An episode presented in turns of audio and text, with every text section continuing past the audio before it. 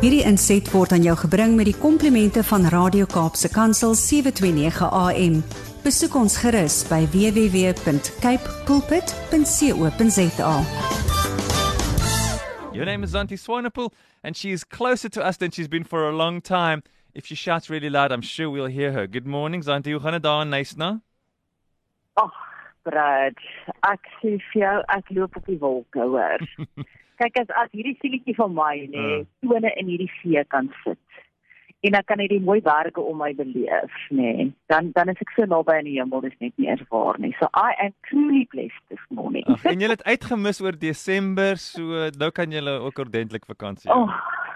Yes, broer. En toe in Julie wou kom, toe die grense gesluit, mm. but you know what God's timing is always perfect. Want daar is nie vir my 'n mooier maand as Oktober. Daai het dit. Dis die mooiste mooiste nou. maand. So God, you know, if His timing is always perfect, He makes it the most beautiful time to come here in any case. As ek miskien tussen Julie en nog in, in Oktober dan sit nou hier so. So God stays good and knows the best for us. So that means that you are more inspired than you've been for a long time by what you're telling us now. So we are going to be extra blessed by Oh. what you're going to share. Dis reg, nee?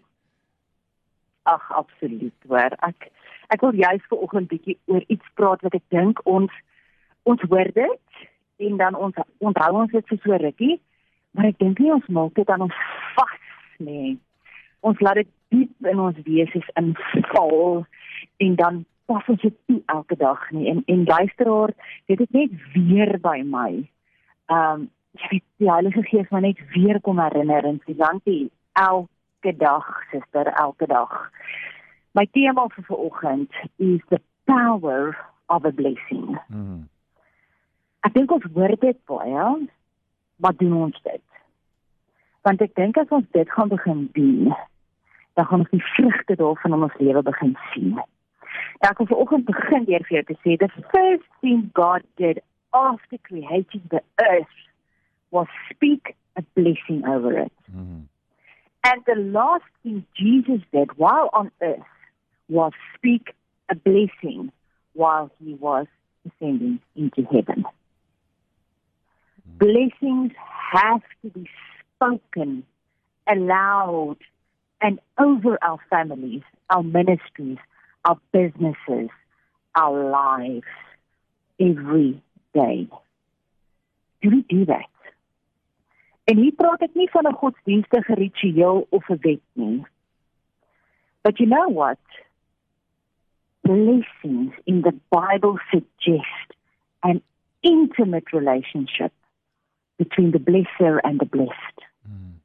A blessing marks an intimate relationship between God and man, serving as proof that he finds himself in God's favor. Mhm. Dit is my so mooi as daar staan in in Job 22 vers 28 wat sê you will also declare a thing and it will be established for you.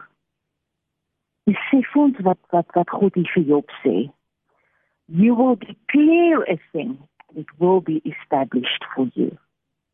En ek en jy weet that God is not a respecter of persons. Mhm.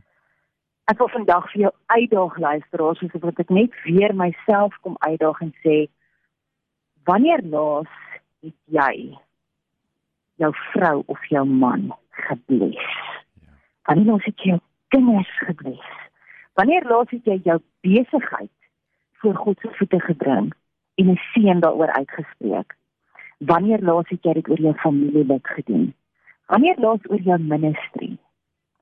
Wanneer laas het jy daai gifting wat God vir jou gegee het voor hom gebring en 'n blessing daaroor uitgespreek en die Here gevra om sy blessing oor jou ministry en jou gift wat van hom af kom in elk geval te spreek.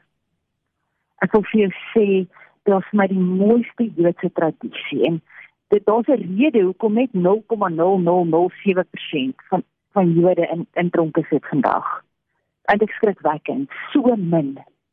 Maar 'n Joodse mamma en pappa gaan nie slaap vanaand as hulle nie hulle kinders geseën het nie. Doen ek en jy dit nog? Of vind ons tyd vir ander dinge? Of maak ons tyd om langs daai kind se bed te gaan sit en maak nie saak hoe oud jou kind is nie.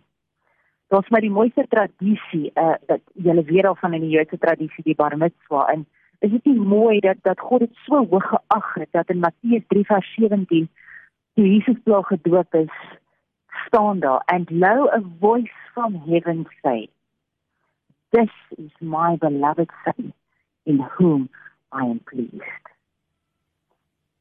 Dat God 'n blessing oor sy seun uitgespreek het. Ja. Ek en Laurens nie dit ons het geleer dat wat bar mitzwa of 'n barbar bar mitzwa beteken son or daughter of the law maar ek en jy weet dat Jesus die die law vervolmaak het toe hy aan die kruis gehang het. En daarom noem ons dit 'n bar of 'n bad baraka. Wat beteken son and daughter of the blessing. Because we have inherited the power of a blessing. Ek wil vandag vir jou 'n storie los of 'n storie met jou deel. En dan gaan ek jou los met 'n blessing. En dan wil ek jou uitdaag om nie vanaand te gaan slaap sonder om jou vrou, jou man en jou kinders te begin sien.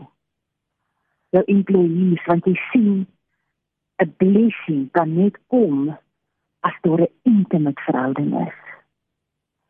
En as ek nie met jou verhouding het nie, as my verhouding met jou verbrokkel is, gaan dit vir my moeilik wees om 'n blessing oor jou uit te spreek. Maar as dit is my toets, as ek jou nie vanaand kan bless nie, dan is daar iets wat reggemaak moet word. En ek wil jou sien om dit te gaan regmaak.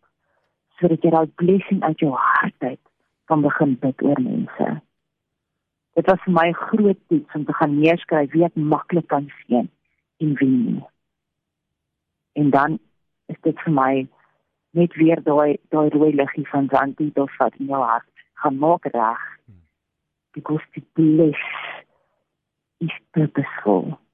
Sophia said at the end of 1961, a young exchange student at the Bible College of Wales in Swansea was on his way home when he decided to take an unguided sightseeing tour of London. Mm. As he walked, he came across a house with a nameplate on the front of that that said George Jeffries. He wondered if that could be the George Jeffries who had founded the Elim Pentecostal churches in Ireland and England, and whom he had read so much about. Mm. This is how he tells the rest of the story. There I rang the bell. A lady opened the door. Pardon my intrusion, ma'am. But does George Re- Jeffrey live here, who was the famous firebrand evangelist I heard so much about? Yes, he does. May I please see you, ma'am? No, under no circumstances. She had hardly said no when I heard a deep voice from within the house say, Let the young man come in. Hmm. I stepped forward, took his hand, and introduced myself. I told him I had a call of God on my life to be an evangelist and to preach the gospel in Africa. That I had been to college in Swansea, a Bible college in Wales, and was now returning to Germany, my home. What happened next was extraordinary. All of a sudden, he took me by my shoulders and fell to, my, to his knees, pulling me to the floor with him. He placed his hand on my head and began to bless me hmm. as a father blesses a son, as Abraham blessed Isaac, as who blessed Jacob, and on and on. The room seemed to light up with the glory of God, and he poured out and prayed over me. Wow. I do not remember the words with which he blessed me, but I do remember their effect. My body felt electrified, tingling with divine energy. After about a half an hour, he finished. I stood up and helped him to his feet. He seemed very frail. We said goodbye. The lady came and escorted me away. He could hardly stand, nor could I, for different reasons. That young man went on to become one of the greatest healing evangelists of his generation. His name was Reinhard Bonker. Hmm.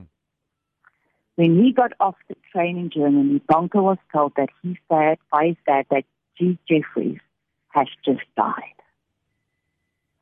We all know how Africa changed because of one man's obedience. Yeah but never knew that he was taken off trail that day in New York to be blessed.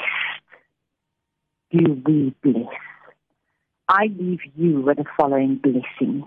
today and may you may you find that blessing in your heart from God to cover your wife, your husband, your children, your colleagues, your ministry, your business, your town, your neighborhood. I leave you with the following. May you embrace life to the fullest. May you confront your fears and not allow them to paralyze you in pursuing what you love. May you view this world as a safe, unthreatening, and funny place in which to dwell. May you one day fully appreciate the extraordinary gifts that you have been given of empathy, kindness, intelligence, and beauty. May your sense of humor always be close to you and comfort you through difficult times. May you always remember this extraordinary day and your Christian mothers and fathers who came before you and made it possible for you to stand here today as a believer. May God smile upon you, bathe you in sunlight, and embrace you with his love. Amen. Hierdie inset was aan jou gebring met die komplimente van Radio Kaapse Kansel 729 AM. Besoek ons gerus by www.cape pulpit.co.za.